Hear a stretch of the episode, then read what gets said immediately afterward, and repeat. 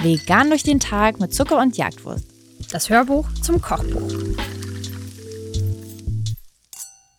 In unserem Kapitel Abendessen findet ihr diverse Pasta-Rezepte und wir wollten euch auf jeden Fall auch eins mitgeben, in dem es sich um gefüllte Nudeln handelt. Und ich finde immer, da kommt einem direkt, also klar, man denkt auch an Tortellini, man denkt auch an Teig, sozusagen Waren, die gefüllt sind. Ich denke aber bei Nudeln immer auch an entweder Cannelloni oder Muschelnudeln. Ich habe mich vor allem für Muschelnudeln entschieden bei der Rezeptentwicklung, weil ich finde, die sind etwas ansehnlicher als Cannelloni, war dann aber sehr überrascht, wie schwer es war, die zu finden. Also gar nicht in vegan zu finden, sondern irgendwie gab es fast keine.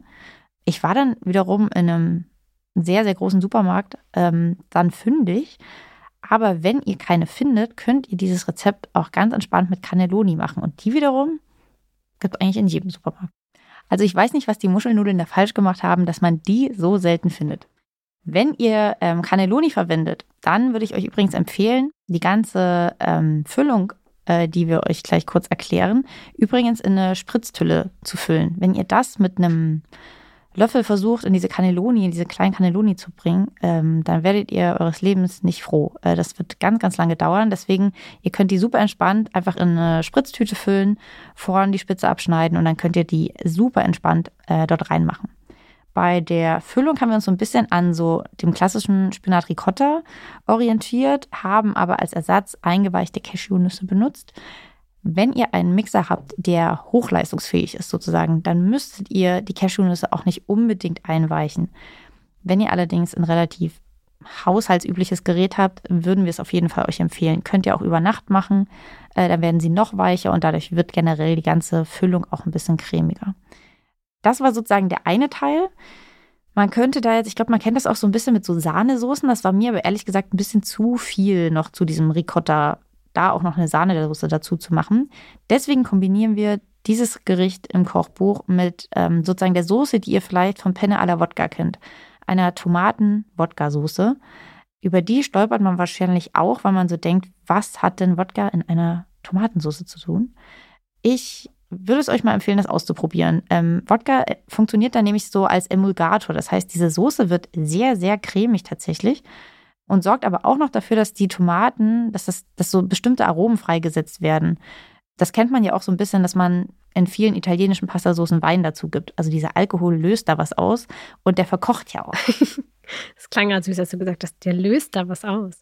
Kennt ihr das, wenn Alkohol was auslöst? das kennen wir alle. Ähm, in dem Fall löst es einfach aus, dass mehr Aromen freigesetzt werden und wie gesagt, er verkocht. Also ihr müsst keine Angst haben, dass ihr am Ende des Tages betrunken seid, wenn ihr das esst. Aber wer das nicht machen möchte, ihr könnt selbstverständlich auch den Wodka kicken und einfach die Soße ohne zubereiten. Ansonsten glaube ich, dadurch, dass die Muscheln und je nachdem, wie groß die sind, würde ich euch auch, das seht ihr jetzt auf dem ähm, Rezeptfoto auch, glaube ich, ganz gut, ähm, gebt die Soße ruhig in, ein, äh, in eine Auflaufform, die tendenziell ein bisschen kleiner ist, damit die, die Soße schon eine relativ dicke Schicht ist und ihr die Nudeln so richtig reindrücken könnt. Dass die wirklich wie in so einem Soßenbad darin schwimmen. Denn ansonsten werden die einfach tendenziell da, wo sie nicht mit Soße in Kontakt kommen, auch knusprig.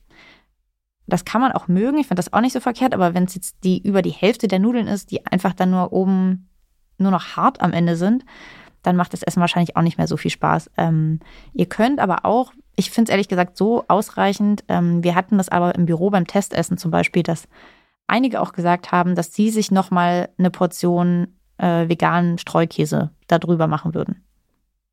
Ist eine Option. Ich fand ehrlich gesagt auch so sieht es ein bisschen schöner jetzt aus und wir haben ja hier ein Kochbuch mit Fotos. Fand ich schon auch gut, dass da jetzt nicht noch alles nochmal mit Käse drüber äh, verdeckt ist. Aber wenn ihr das möchtet, könnt ihr sehr gern noch in jede kleine Muschelnudel eine kleine Portion veganen Streukäse geben. Ich finde auch allgemein, dass das Rezept ähm, sich total gut eignet, wenn man irgendwas Schickes vorbereiten will oder irgendwas mal machen will, was besonders ist. Also wenn ich bald eine Gästin oder einen Gast bei mir zu Besuch hätte und ich will irgendwas zaubern, was ein bisschen, was was mit Pasta zu tun hat, aber ein bisschen schicker ist, dann sind diese Muschelnudeln, glaube ich, ähm, spitzenmäßig 1A geeignet dafür. Na dann freut euch, wenn ihr eingeladen werdet bei Isabald, denn dann könnt ihr euch dieses Essen erwarten.